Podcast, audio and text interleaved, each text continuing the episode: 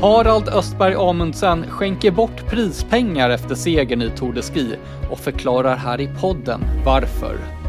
Marcus Grate gästar och berättar om sin skadeperiod och vi får besked från landslagschef Anders Byström om varför Johanna Hagström saknas i truppen till Oberhof. Det här är Viaplay Vinter Podcast med mig, Ludvig Svan och Anna-Karin Strömstedt. Det är bra! Kämpa för hela Sverige nu! Nummerlappen var inte med. Den hade jag glömt. Nej, idag var det riktiga skidor faktiskt. Alltså, vad gör jag? Det är jättebra ut! Kom igen nu! ska fan dö över den där jävla mållinjen. Vi är tillbaka efter en liten viloperiod efter Tour de Ski. Det är nya tävlingar som står för dörren. Vi har flera spännande gäster med oss i dagens avsnitt och du har en liten väderrapport att bjuda på ifrån Oberhof, eller hur Anna-Karin? Ja, efter att det var skidskytte där för en stund sedan så såg vi ju att det var alltså helt fruktansvärt dåliga förhållanden. Det var ju det var så dåligt så att man inte ens kan köra tävling. Men nu har det kommit ny snö. Det ser eh, faktiskt väldigt bra ut. Jag såg precis en eh, story från Victoria Karl och hon eh, var ute och körde i den tuffaste backen där på banan och det, det är till och med snö i träden. Så det ser bra ut inför helgen. Ja, vad skönt att höra. Vi ska svara på lite lyssnarfrågor senare i det här avsnittet, men jag måste bara ta upp en lyssnarfråga som vi har fått redan nu, för det är apropå Victoria Karl. Eh, Alex skriver, kan ni prata om hur Ludde uttalar Victoria Karls efternamn? Ja, jag räknar Alltså jag säger han... nog Karl. Karl. Du säger Karl, ja. Och jag säger Karl, Victoria Karl. Ehm, och ehm, ja, vem har rätt då? Antagligen så har ju du rätt, för du kan ju tyska. Ja, det är sant. Nej, jag räknar ju med att hon heter Karl, Victoria Karl. Eh, lite så här Karl till och med sådär. Ja. Men ehm, Jag får nog justera mitt uttal. Karl. vi bör i alla fall komma överens om vad vi ska säga. Det är väl första utgångspunkten. Vi kör på din linje, det är Victoria Karl från och med nu. Jag får träna lite grann. Vi ska prata om det som händer i Oberhof i helgen lite senare, men jag tänkte vi ska börja med att stanna kvar lite grann i Tour de Ski, för vi ska ju få fin besök här i podden nu. Han väntar på att få komma in. Vinnaren på här sidan Harald Östberg Amundsen. Harald, vi får börja med att fråga, hur mår du? Har du återhämtat dig efter Tour de Ski? Ja, jag tror det. Allt eh, har gått bra. Jag har hållit mig frisk, och det är eh, ganska otroligt, för det var många, många i den norska troppen som blev sjuka efter touren. Eh, men eh, jag tog två, tre hviledager, och nu de sista dagarna så har jag gått roliga skidturer här hemma i Asker. Det är jättefina förhållanden. så har försökt prøvd å fina vinterförhållanden. så håper jeg at jeg er klar for en ny verdenscuphelg i Oberhof nå til helgen. Har livet förändrats? Nei, jeg kan ikke si at det har endret seg så mye, men øh, jeg, øh, jeg har fått veldig mye gratulasjoner, og det er mange som har fulgt med, så det er veldig hyggelig. Og så har jeg fått øh, mye mer forespørsler om å være med på ting nå, da, så det, jeg merker at jeg kanskje, kanskje har gått fra å være en totalt ukjent skiløper til å bli litt mer kjent, da. Men øh, det, nå midt i sesongen så endrer det seg ikke så mye, fordi jeg jeg er hjemme og slapper av og trener og fokuserer på de neste rennene, så, så akkurat nå er det ikke så mye som har endret seg. Anna-Karin, du bor ju i Norge. Hur känd och populär är Harald nu? Ja, det är ju precis som Harald säger. Han, eh, det har ju såklart blivit lite eh, annorlunda efter eh, segern. Men Harald är ju en, eh, vad ska man säga, typisk norsk. Duktig att gå på ski och eh, ja, i Norge så tycker man ju om eh, folk som är, ja, men som är duktiga att åka skidor. Man är ju väldigt nationalistisk här och stolt över de som åker fort. Och, det, det är klart att eh, han har blivit väldigt populär och en sak som jag tänker ganska mycket på är när du under Tour de Ski, hur du är. Du är, eh, kommer i mål och du kysser skierna och du jublar över mållinjen och det är väldigt fint att se att du har känslor och födelser och eh, det var kanske någonting som eh, vi inte har varit vana att se, till exempel Kläbo, han är ju inte riktigt så som du är. Vad tänker du om det, att du är lite annorlunda mot vad Kläbo är? Jag tror ju, först och främst så, så var ju touren så viktig för mig och och när det går bra, man har mycket press på sig, så är det extra digg att slippa jubelen lös de dagarna det går verkligen bra. Så eh, bägge de två jaktstarterna under Tour de Ski som jag vann, det var liksom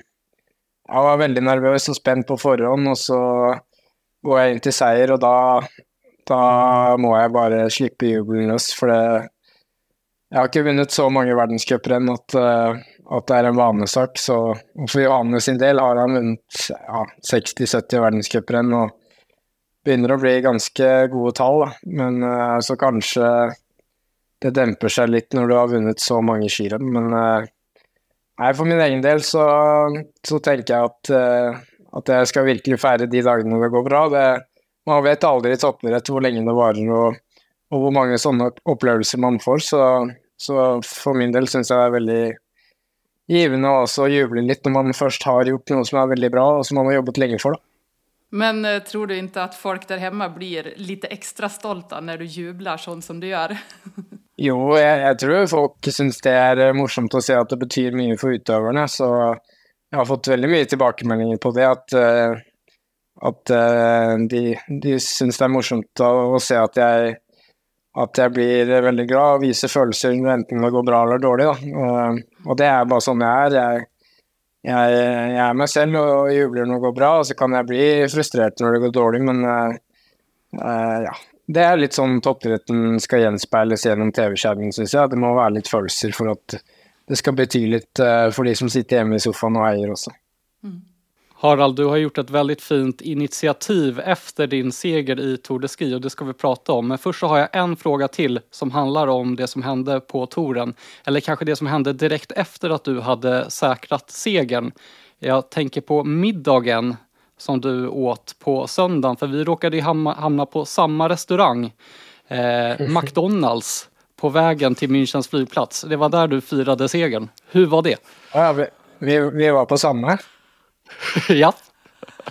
ja, nej, vi Nej, vi kom oss till hotellet i Valdresemme och så måste vi dra ganska raskt. Och då var det eh, inte så många alternativ längs vägen eh, riktning München på var vi skulle stoppa. Och jag körde ju bil med Jan Thomas Jensen och han älskar McDonalds. Så eh, då blev vi eniga om att, eh, att det var grejt att vi stoppade på McDonalds idag. Så det var egentligen mest för hans del. Jag är inte så jag är inte lika fan som han, men, eh, men det var gott det. Så vi fick fira lite där och så kom vi oss till hotellet i München och fick, eh, fick fira lite grann där också för jag flög hem morgonen efter. Så glamoröst är det att vara längdskidåkare. Eh, segern i Tour de Ski gav ju ganska mycket prispengar, eh, runt en miljon svenska kronor och eh, det kom ju ut en nyhet dagarna efteråt om att du har instiftat ett stipendium som ska gå till skidåkare mellan 19 och 23 år gamla för att hjälpa till att ta det här svåra steget från junior till senior. Berätta lite hur du eh, tänkte där. Uh, nej, det var egentligen något jag hade börjat jobba med i höst. Så jag hade uh, börjat planlägga lite redan i höst och utfordra sponsorerna på att eh, jag har lust ett stipend som ska delas ut till unga och talentfulla skilöpare som är i den fasen mellan junior och seniorkarriär. För där eh, vet jag att det är någon väldigt tuffa och krävande år. Eh, och har varit igenom det själv eh, för inte så allt för länge sedan. Så eh, det var liksom önsket mitt. Da. Uh, eh, og samtidig så er jeg en av de yngre på landslaget og, og føler kanskje at eh, Ja, de siste årene så er det jo uh, eh, ikke så mange nye som har kommet opp på landslag, og, og den veien opp til elitelag kan føles ganske tøff, da, spesielt når vi er mange på mange av de samme på landslaget som har vært der i veldig mange år nå. Det er På distanselaget på herresiden så er det jo bare jeg som er under 30 år. Och då kan det kännas lite eh, Ja, lite tungt och, och lite vanskligt för de som kommer eh, och är lite yngre än oss, som, som prövar att kämpa om de samma platserna. Eh, vet att den världen är ganska tuff, så då, därför så vill jag upprätta ett stipend och få mina sponsorer med på det här så att vi kan pröva att stötta någon unga talentfulle utövare som, eh, som kan få lite hjälp in i satsningen. För det, det krever både mye tid og penger å satse på ski, så, Så det er et bidrag jeg virkelig har, har brent litt for. da. Jag kommer ihåg när du slog igenom, du gjorde ju väldigt fina resultat i världscupen men det var ändå svårt för dig att ta dig in där. Och sen gjorde ju du ett VM när du bara hade gjort ett fåtal världscuptävlingar och tog ett silver där på VM i Oberstdorf. Eh, det är tufft att slå sig in. Ja, veldig. Det er eh, Spesielt her i Norge så er jo konkurranse på herresiden helt ekstrem, så selv om jeg fikk noen eh, möjligheter muligheter i verdenscupen på skøytedistanse, som var det jeg var god på, så, så var det ikke sånn at jeg fikk gå verdenscup hver helg. Og eh, jeg kom meg jo omsider inn på landslaget etter eh, att at jeg tok VM-medalje i Oberstdorf, men eh, jeg tror nok ikke jeg hadde fått landslagsplass hvis jeg ikke hadde tatt medalje der. Så det sier jo litt om hvor tøff den veien inn på et elitelandslag for herrene her i Norge er, da. Eh, og det er jo veldig bra med tøff konkurranse, men, men eh, jeg ser jo hvor mange utøvere som får lov til å gå verdenscup eh, for Norge eh, litt sånn sporadisk, og så gjør de det ganske bra, men de får liksom ikke flere muligheter, fordi det er alltid noen fem, seks, syv, åtte stykker som er bedre. Og da er det veldig tøft å skulle leve av det og, og finne videre motivasjon når det tar en del år. Eh,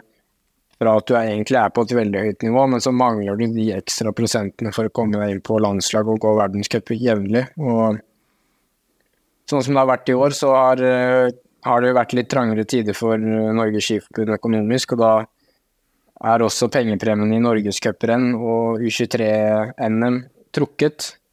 Og det syns jeg er veldig synd, da, for det er det gjør noe med motivasjonen til de utøverne når de er ute og går norgescup, at de kan kjempe om litt pengepremier. Eh, så derfor så passer jo enda bedre å komme med det stipendet her nå. Og så håper vi at, eh, at vi kan utvide til flere stipender allerede neste år. Og jeg har fått veldig mye positive tilbakemeldinger fra sponsorer som har lyst til å bidra. Da. Så um, jeg håper at allerede neste år så kan vi utvide til i hvert fall fire stipender. Du har ju inte hunnit tjäna jättemycket pengar än så länge i din karriär. Var det självklart att eh, gå in med, med pengar i det här? Ja, det, det er det jo, fordi hvis jeg skal ha mitt eget navn på det stipendet her, det heter jo HU Anton-stipendet, og da, da er det klart at jeg skal bidra. Så Ja, jag menar att göra hela gå grejen.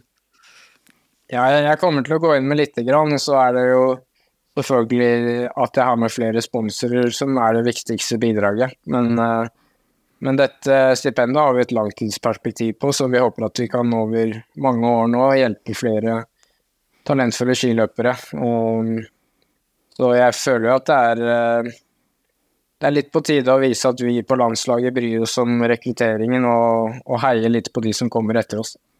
Eh, Jag läste en artikel igår om att du är lite ledaren i laget. I Sverige säger man oftast att man har en mamma eller en pappa på laget. Är du pappan i det norska laget? Jeg tror vel egentlig ikke det. Det, det er vel Eirik Myhren Nossum som har eh, sagt at jeg kanskje er en slags framtidig kaptein, men per nå så har vi jo pappaen i laget vårt, det er Sjur Røthe. Och og så har vi på sprintlaget så er det Pål Golberg, så det er egentlig Sjur og Pål som er de to sjefene og som vi tar opp ting med hvis det er noe. Men uh, uh, ja, det er kanskje ikke altfor mange år til de gir seg som skiløpere, og da må noen ta over, så uh, ja, men jeg tror samtidig også en type som Didrik Tønseth er eh, foran meg i køen der. Men uh, det är viktigt att, eh, att vi tar vare på de som kommer upp och som är med på världscup för första gången eller som kommer in på landslag första året. Det, eh, det är väldigt viktigt att ge det lite extra trygghet. Jag husker hur spänd och osäker och nervös jag var när jag blev tatt ut i VM i Oberstdorf. Det var eh, man går, jag kände inte de andra på landslaget, och man går är lite rädd och nervös hela tiden. Och om man inte känner sig trygg, så är det svårt att prestera. Så det er veldig viktig at eh, noen i gruppa tar den rollen. Men Tack så mycket Harald, jättekul att du eh, vill vara med här i podden. Du ska ju åka till eh, Oberhof snart. Vad, vad ser du fram emot med den här helgen?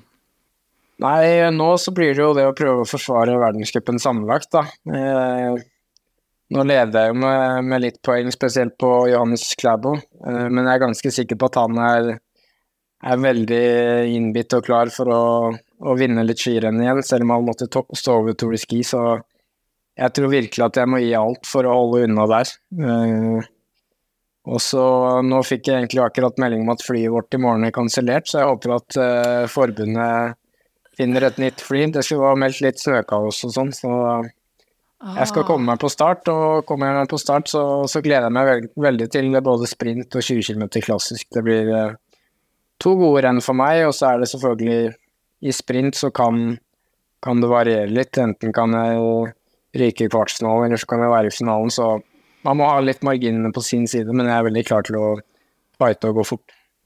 Mm. Tror du att du kör stafetten på söndagen? Jag tror vi får ta en värdering på det utöver helgen och få känna lite om hur bra formen är och om kroppen tål att gå skirenn igen. Men uh, jag har alltid lust att gå flest möjligt renn, så får vi se lite hur helgen går. Men Uansett så ska vi ha väldigt många starka löpare på start. Det ska vi. För ni kommer ju möta fyra hungriga svenska herrar som är väldigt sugna på att slå er. Ja, jag hoppas, jag hoppas eh, de svenska herrarna nu har kommit sig lite i vatten och att uh, det är lite mindre sjukdom och att de har uh, haft god flyt på träningen nu i sista. Jag, vet ju att svenskarnas herrlag är väldigt, väldigt bra på sitt bästa, men samtidigt så har det varit ofte litt variasjon på form på utøverne der, så jeg, det er veldig sjeldent at jeg føler at alle sammen er i veldig godt slag samtidig. Men uh, vi får satse på at de er uh, fit for fight nå uh, til helgen, så, så håper jeg at det blir en spennende duell. Ja, super Harald, du får ta tag i det där flyget och eh, så hoppas vi att det går bra för dig i helgen i Åbroff. Tusen tack för det. Ja, det är svårt att tycka illa om Harald Östberg Amundsen. Ja, han är ju en väldigt fin person och eh, min granne här, han som är tränare, han säger ju det att han är väldigt omtänksam och det var ju precis det han sa och pratade om det där att han kände sig lite när han kom in i laget och han vet ju vad det betyder och han, han är ju en sån person som bryr sig om andra och det är väldigt fint att se det och att han, ja men det här stipendiet, det är väldigt häftigt. Det, det är få som gör så här som han gör. Vem är din granne? Eh, Eirik Myhr Nossum, som han också pratar om. Oj, oj, oj, Norges herrtränare. Ja, mycket inside därifrån kan jag säga. Okej, okay, det får bli ett specialavsnitt och du berättar all inside från Nossum. Men det här stipendiet, varför är det så viktigt och varför är det så svårt att ta det här klivet från junior till senior? Dels så krävs det ju lite mera, alltså man måste träna mer för att eh, kunna slå sig in på, som till exempel här i Norge då, så krävs det ju extremt hög nivå för att kunna komma ut på världscup. Men sen är det också speciellt att vara ute och tävla på juniortävlingar med den nivån det är där och sen kommer man till seniornivån där det är någonting helt annat. Och eh, just i Norge då så är det väldigt många som håller på. Det är tufft, det är dyrt framför allt att eh, köpa grejer och vara ute på tävlingar. Så att, eh, det är klart att det är ju få som kommer att kunna ta del av de här pengarna men eh, det är väldigt många som behöver det. Mm. Vi kan nämna summan förresten. Eh, det är en herråkare och en damåkare som får stipendiet varje år och det är på 20 000 kronor plus ett presentkort på 20 000 kronor och sen av hans eh, sponsorer. Så det är en liten slant i alla fall för den som har det kämpigt. Du, det har ju kommit eh, trupper här inför Oberhof. Eh, jag noterar i det norska laget att Tiril Udnes Weng är tillbaka. Vad har du hört eh, där? Nej, alltså Tiril var ju tillbaka förra helgen och körde skandinavisk cup i Ottepe.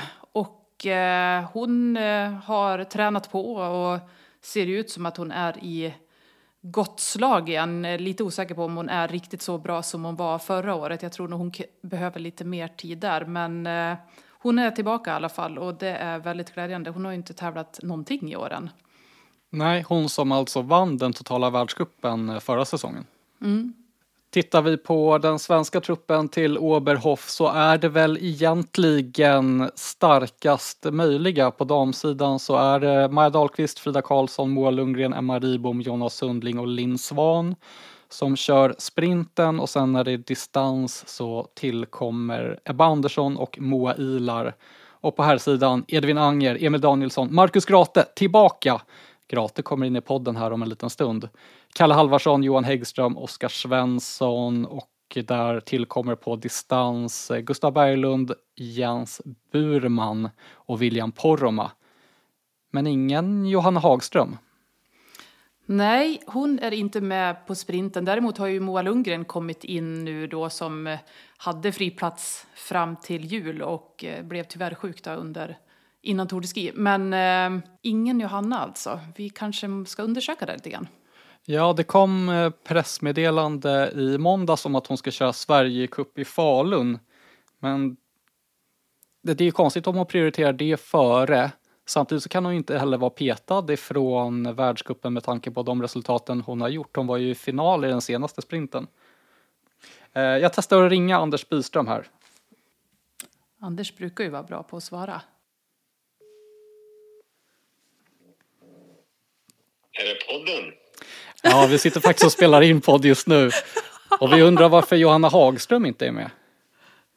Ja, har du sett vilka som är med? Jag har sett vilka som är med. Ja. Är hon petad? bara att räkna där. Att vi har bara sex platser den här gången tyvärr. Vi har ju inte sju längre. Så det är anledningen helt enkelt. Ju, okej. alla, alla sex som är med har ju varit i, i final i världscupen och det har ju han också men inte i klassiskt. Mm, det är där skon klämmer, för vi sa just det, hon kan ju inte vara petad med tanke, hon var, med tanke på att hon var i final senast. Men det har ju Moa Lundgren också varit. Precis, hon var i final i Östersund på sista klassiska sprinten så därför går hon före här. Och eh, de andra har ju också, Frida var ju i klassisk final i Ruka till exempel. Så det är, det är lite att slåss med här med motståndet kan vi säga. Ja, tuff konkurrens i svenska sprintlaget. Verkligen. Mm. Men då behöver inte vi spekulera mer här, då har vi ju fått Nej. eh, svar. Ja, då är allt på sin plats. Ja, Lycka till. ja skitbra. Tack så mycket. Hej, Hej. hej, hej. Petad. Ja, hon är det. Det är eh, så det är att vara med i, eh, eller att tillhöra det svenska landslaget på damsidan, framförallt på sprint. Det är ju stenhårt. Det är ju alltså sex åkare som är uttagna som skulle kunna vara, om man räknar med till och med Johanna, sju åkare. De skulle kunna vara i en final, alla de där. Det är, det är tufft. Mm. Ja, jag nämnde ju det i förbifarten där att Marcus Grate är tillbaka och han ska vara med i podden och han är redo att komma in här nu så vi släpper in eh, Marcus Grate. Hur mår du? Eh, jag mår bra. Jag är lite trött. det kanske syns också. Men eh, jag har precis kört sista intervallpasset in, eh, nu inför eh, världscupen i Åbyhof. Eh, så att, lite trött men mår väldigt bra. Jag hörde att det här intervallpasset skulle avgöra om du skulle tävla eller inte i helgen och det verkar som att allting har gått bra i och med att du är med i truppen. Du ska göra comeback nu. Ja, eh, det känns väldigt, väldigt kul att, man, att det svarar bra, kroppen svarar och jag känner mig redo att, att komma tillbaka. Det, det ska bli otroligt kul. Det är nog många som eh, minns eh, scenerna ifrån sprinten i Östersund. Du var tokladdad, du skulle bjuda på show, du var i form. Så slutade det med en bristning i eh, låret. Hur har tiden varit sedan dess? Ja, eh, det var ju väldigt omtumlande just när det hände. Eh, och kanske dagarna efter att det var så här, ja. Man får gå och vänta på, på att göra ultraljud. Innan dess kan vi inte säga någonting. Och då fick man gå och vänta två dagar och det känns ju som en evighet. Att, att inte få det här svaret. Man vet inte när man kan komma tillbaka. Man vet inte om säsongen är över. Man vet inte hur det är med karriären till och med. Eh, det är, ju- kroppen måste ju kunna vara, vara hel för att man ska kunna klara av den här sporten. Men eh, ultraljudet såg ändå positivt ut mot vad det kunde ha varit. Eh, så eh, jag bestämde mig för att dra upp till Piteå. Till Stefan Thomsson som bor där uppe. Eh, så jag var i Piteå två veckor och rehabbade på, på där uppe med, med Stefan. Då. Så att jag blev halvt Pitebodare ett tag. Men du, du misstänkte att det kunde vara någonting riktigt allvarligt alltså? Ja, Vi var ju på akuten direkt efter och det var ju ändå... Man vet ju aldrig när det händer och man har mycket adrenalin i kroppen och visst jag kunde gå på benet efteråt men det var ju knappt att jag kunde stödja på det. Eh, och när jag aldrig varit med om någon sån smärta tidigare så vet man inte vad, vad det är som sker för det var ju verkligen som att det var två blixtrar som bara pang pang rätt igenom benet. Eh, och så gick det inte att använda benet sen. Jag kunde inte stå på det. Eh, och då blir man ju rädd ändå. Och man blir chockad. Jag minns att jag stod bara och kollade upp i backen när de andra åkte vidare och tänkte att ja, jag kommer jag kunna ta mig runt i alla fall ändå. Men det, var, det funkade inte. Men eh, eh, jag fick ju väldigt bra hjälp med, med Karin Paulsson, vår ena fysio i laget, som, som eh, såg till att vi, det blev otroligt bra. Måste fråga en grej också. Jag har lite dåligt samvete för inför den här sprinten i Östersund så hörde jag av mig till dig på Instagram och frågade om du kunde gå med på att göra en behind the scenes video under sprinten i Östersund. Eh, det gick ju bland annat ut på att du skulle filma lite grann själv. Eh, då svarade du absolut, det gör jag och sen skrev du ramlar jag så skyller jag på dig. så var det här mitt fel? Ja, jag ramlar ju inte som tur var. Alltså. Nej, det, det är sant. Du stod på benen. Av. Ja, jag stod på benen den här gången. Så du kan nog släppa det. jag tar på mig den att det, det var min. Ja, det blev en väldigt bra video i alla fall. Den finns att se på Viaplay Winters Instagram. Ligger pinnad där. Missa inte den. Eh, det här att du ska göra comeback nu då. Vad tänker du kring det? Ja, ordet comeback är ju lite speciellt ord. Det verkar det känns som att det används väldigt mycket nu. Eh, men för jag ser väl inte mig själv att jag gör en comeback så sätt. Jag har inte varit borta i ett eller två år utan jag har varit borta i en månad, dryg månad. Så att, eh, det, det, är ett stort ord att säga comeback kanske. Men eh, det ska bli väldigt kul såklart. Och eftersom det är en helt ny sits för mig. Jag har ju fått lära mig nya saker med den här skadan. Och hur, vi, hur man tar steg för steg. Och det är en otrolig känsla att kunna varje dag man vaknar upp och går till gymmet att man kan göra nästa eh, nivå på övningen. Du tar steg för steg för steg för steg och det gör ju att man motivationen fortsätter ju bara stiga då tills att det är dags att börja tävla igen. Så att, eh, det är en häftig resa man gör, även om det är en väldigt tråkig sak man, man blir utsatt för. Eh, så tycker jag ändå att resan som blir tar man med sig väldigt mycket av. Eh, Ja. Hur många timmar har du lagt på gymmet sen skadan? Jag åkte ju upp två, en dag efter ultraljudet, först upp till Umeå och sen dagen efter det upp till Piteå. Och då började vi på eftermiddagen, jag och Stefan. Och sen var vi i gymmet två gånger om dagen första veckan, andra veckan en till två gånger om dagen. Då. Eh, och det roliga var att Stefan skulle ha lite semester inför touren då. Men eh, då bestämde jag mig för att äh, jag åker på underhållande istället. Eh, så det var lite kul när han går runt och pratar med, med alla på gymmet också. Ja, ah, man nu har semester. Så står jag bredvid och skrattar åt honom. Liksom, han bara, ja, jo, semester och semester. så det har varit väldigt kul. Men eh, jag har inte exakt koll på, på tiden. Men eh, det, vi var ju på gymmet min, åtminstone två timmar per gång vi var där. Eh, så det var ju fyra timmar per dag i början, eh, som minst. Mm. Eh, men jag tycker om det. Eh, jag tycker det är kul att vara på gymmet och man utvecklas mycket och kan snacka mycket med, med annat folk och sånt där. Och alla har varit supertrevliga mot mig och verkligen stöttat. Ibland när man har haft en skada och måste liksom börja om igen och rehabba så kan det ju till och med vara så att man kan bli lite bättre. Känner du, vart står du någonstans nu? Har du fått lov att, alltså har du utvecklat någonting till och med eller var är du?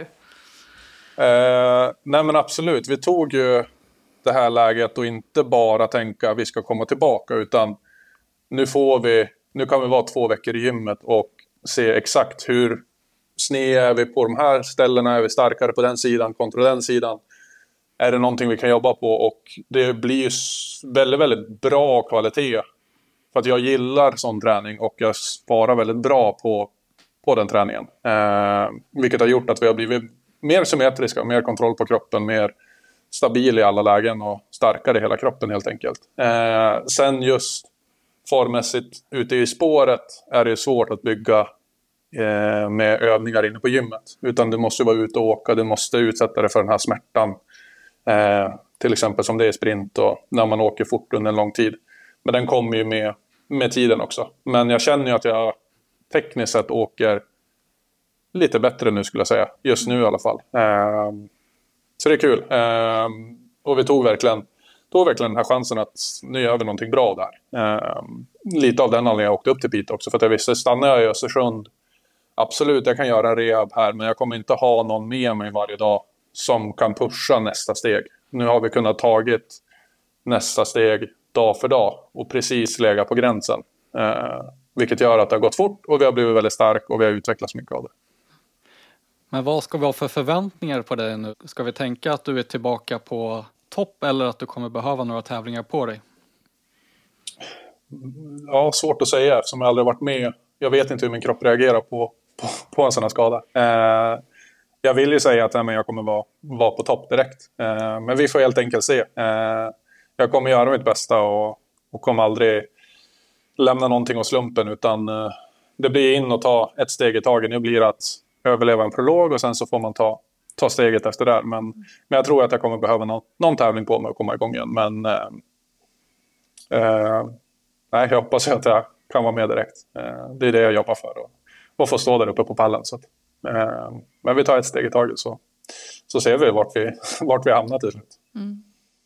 Det har ju varit en del tävlingar medans du har eh, varit skadad. Till exempel Tour de Ski. Gissar att du har suttit och eh, gluttat lite grann. Var det mäktigt att se Edvin ta sig upp på pallen i Davos till exempel? Ja, men det var ju så efterlängtat. Även om eh, jag hade velat vara med i det racet och sa ju inför säsongen att det är tävling mellan mig och han vem som, vem som når individuella pallen först. Eh, så jag får gratulera honom till det. Eh, nu får vi kämpa om första individuella segern istället. men, eh, men det har varit väldigt kul att kolla. Jag har kollat alla race egentligen. Eh, jag tycker touren har varit väldigt, väldigt spännande i år. Eh, såklart har det varit speciella förhållanden och kanske skidorna inte har varit på topp varje tävling. Men, men i det stora hela har touren varit väldigt intressant. Mycket roliga, mycket kul att många kanske inte lika kända namn för, för de som inte är lika insatt. Som är ganska högt upp med, med både Lappalu och Eh, och det gänget. Eh, hela franska gänget har haft otrolig framgång under touren. Det är kul att se att det är många nationer som är på väg upp. Att det inte bara är Sverige, och Norge och Finland. Utan vi behöver, vi behöver alla nationer med oss. Eh, sen vill man att det ska gå bra, bra för Sverige såklart. Men eh, det har varit en väldigt intressant tour och kul att följa. Hur är det att sitta och titta hemma när man själv är van vid att vara där och tävla? Är du het framför soffan? Eller framför tvn? Nej, jag kan nog vara, jag, tar, jag är ganska lugn. Det är jag. Men uh, vissa grejer kan man ju bli så men... Oh. Så hade inte jag gjort. Men uh, det är jobbigt samtidigt som man vet att kan de göra det så kan jag också göra det. Alltså, uh, vet jag att Edvin står på pallen så vet jag att jag inte är alls långt ifrån. Utan, uh, det, det kliar i en att man vill vara med det ser ju så mycket lättare ut på tv än vad, vad det faktiskt är också. Så att när man sitter hemma i soffan så bara, ah, det där kunde jag ha gjort också. Det, det där är inget speciellt liksom. Men när man väl är på plats så känner man att det är tufft liksom allting. Mm. Eh, men jag tycker ju om sport. Jag kollar på väldigt mycket sport. Eh, så skidorna kollar jag absolut på. Men det där du säger, det ser ju väldigt mycket lättare ut på tv. Hur ont gör det egentligen att eh, köra en sprint? Alltså det jobbigaste är ju det mentala, att ladda om. Du, alltså, du går ju in och så kör du allt vad du kan i en prolog. Eh, och så tar du mål, ja jag gick vidare, och så väljer du hit. Och sen är det dags att börja ladda om till en kvartsfinal och där kommer du också behöva gå egentligen allt vad du kan. För att det är kanske två personer i världen just nu som inte behöver gå allt vad de kan och det är Valnäs och Kläbo ungefär. Resten är det ju ett riktigt krig för. Eh, så att du måste ladda om så pass många gånger för under en hel sprint. Och det är det jag tror jag tycker är, är jobbigast. Och det blir en så lång, lång dag. För just under racet, så när väl startskottet går, då är det ju som att det bara instinkten kickar in och så får man åka på, på det man har.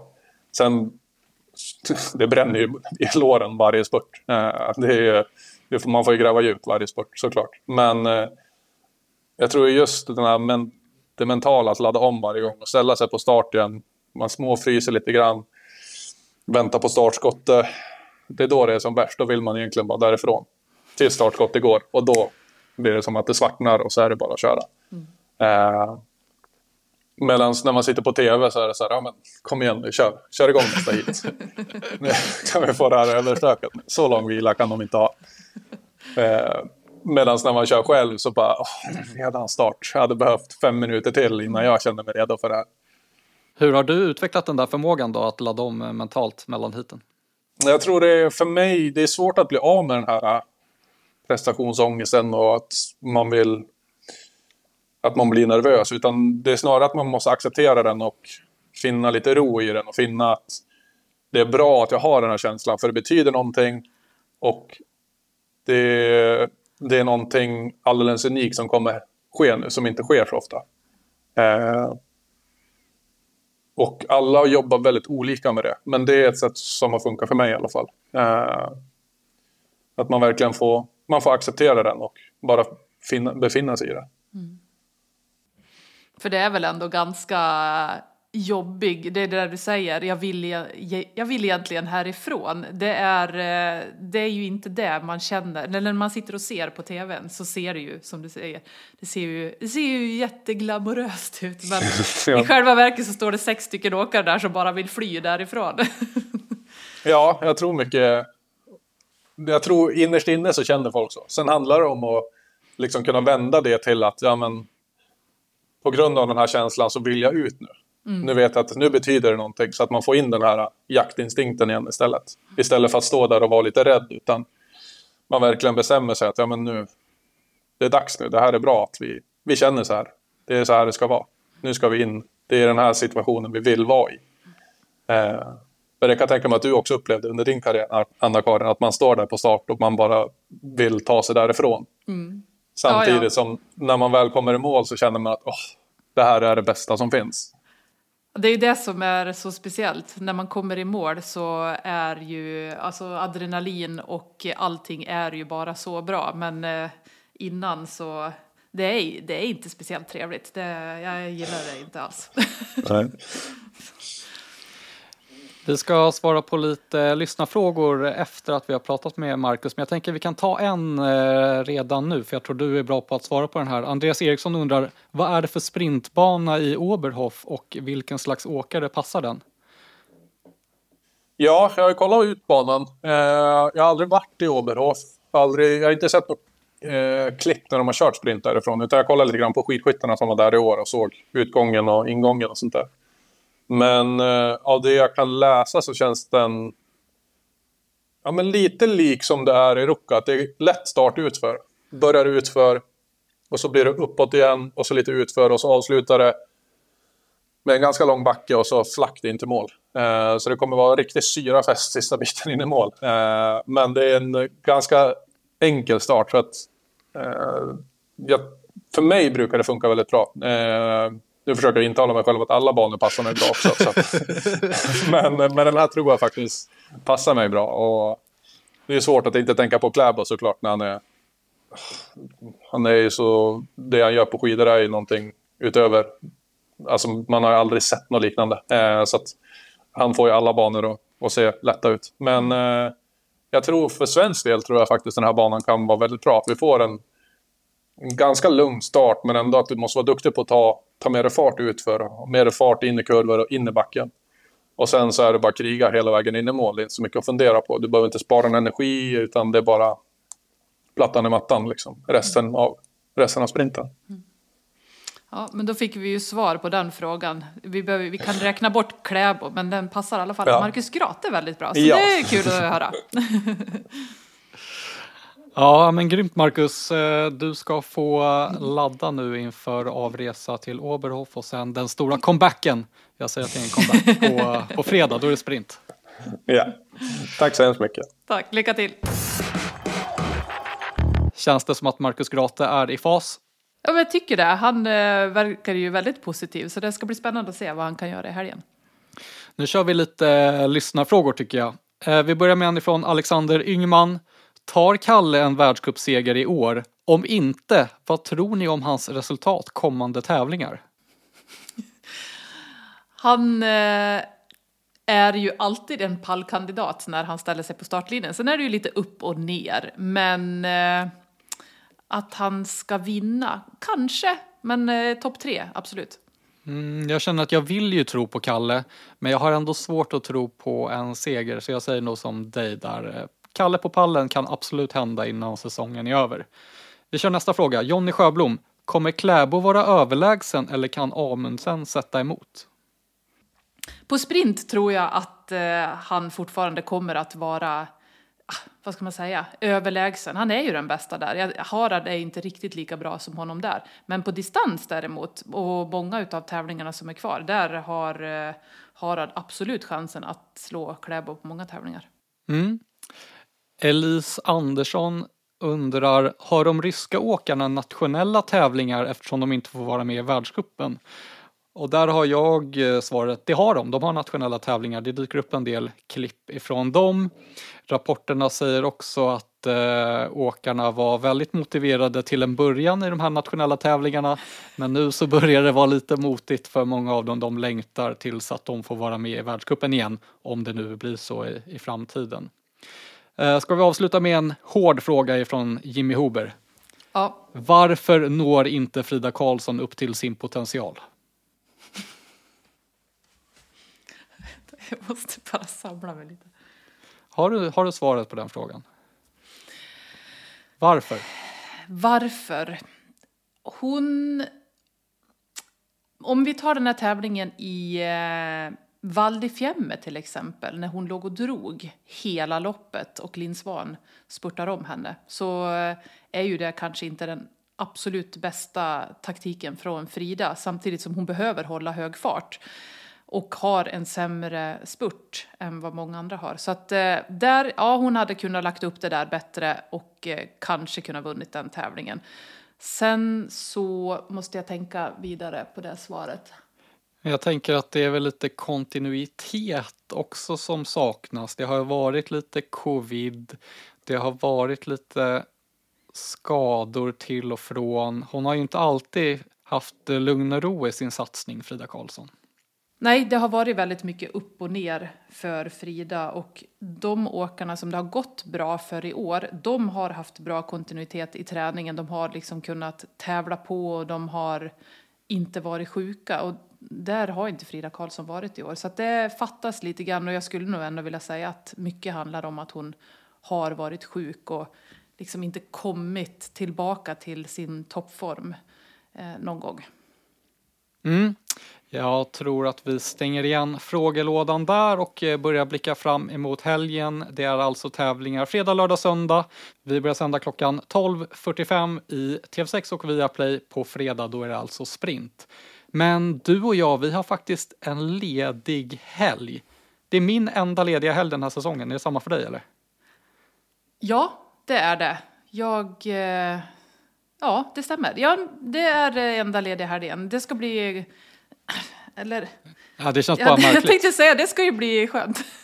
Nej, det känns konstigt. Eh, men sen är vi tillbaka helgen därpå när det är tävlingar i Schweiz i GOMS. Jag gissar att du kommer vara ute och åka lite skidor med Marit Björgen i helgen. Jag har sett lite videos. Ni verkar köra hårt. ja, det blir lätt så när man tränar med henne. Hon eh, har inte förmågan att eh, ta det lugnt när hon är ute och tränar. Utan när vi sticker iväg så eh, gäller det att det är någon annan som ligger först och håller henne tillbaka lite grann. Då går det lite lugnt. Men så fort Marit kommer upp i tät, då dras tempot upp extremt mycket och eh, man blir eh, ganska sliten efter de träningspassen. Men eh, det är bra träning. Ja, härligt. Eh, du får köra hårt med Marit i helgen då så hörs vi igen i podden nästa onsdag.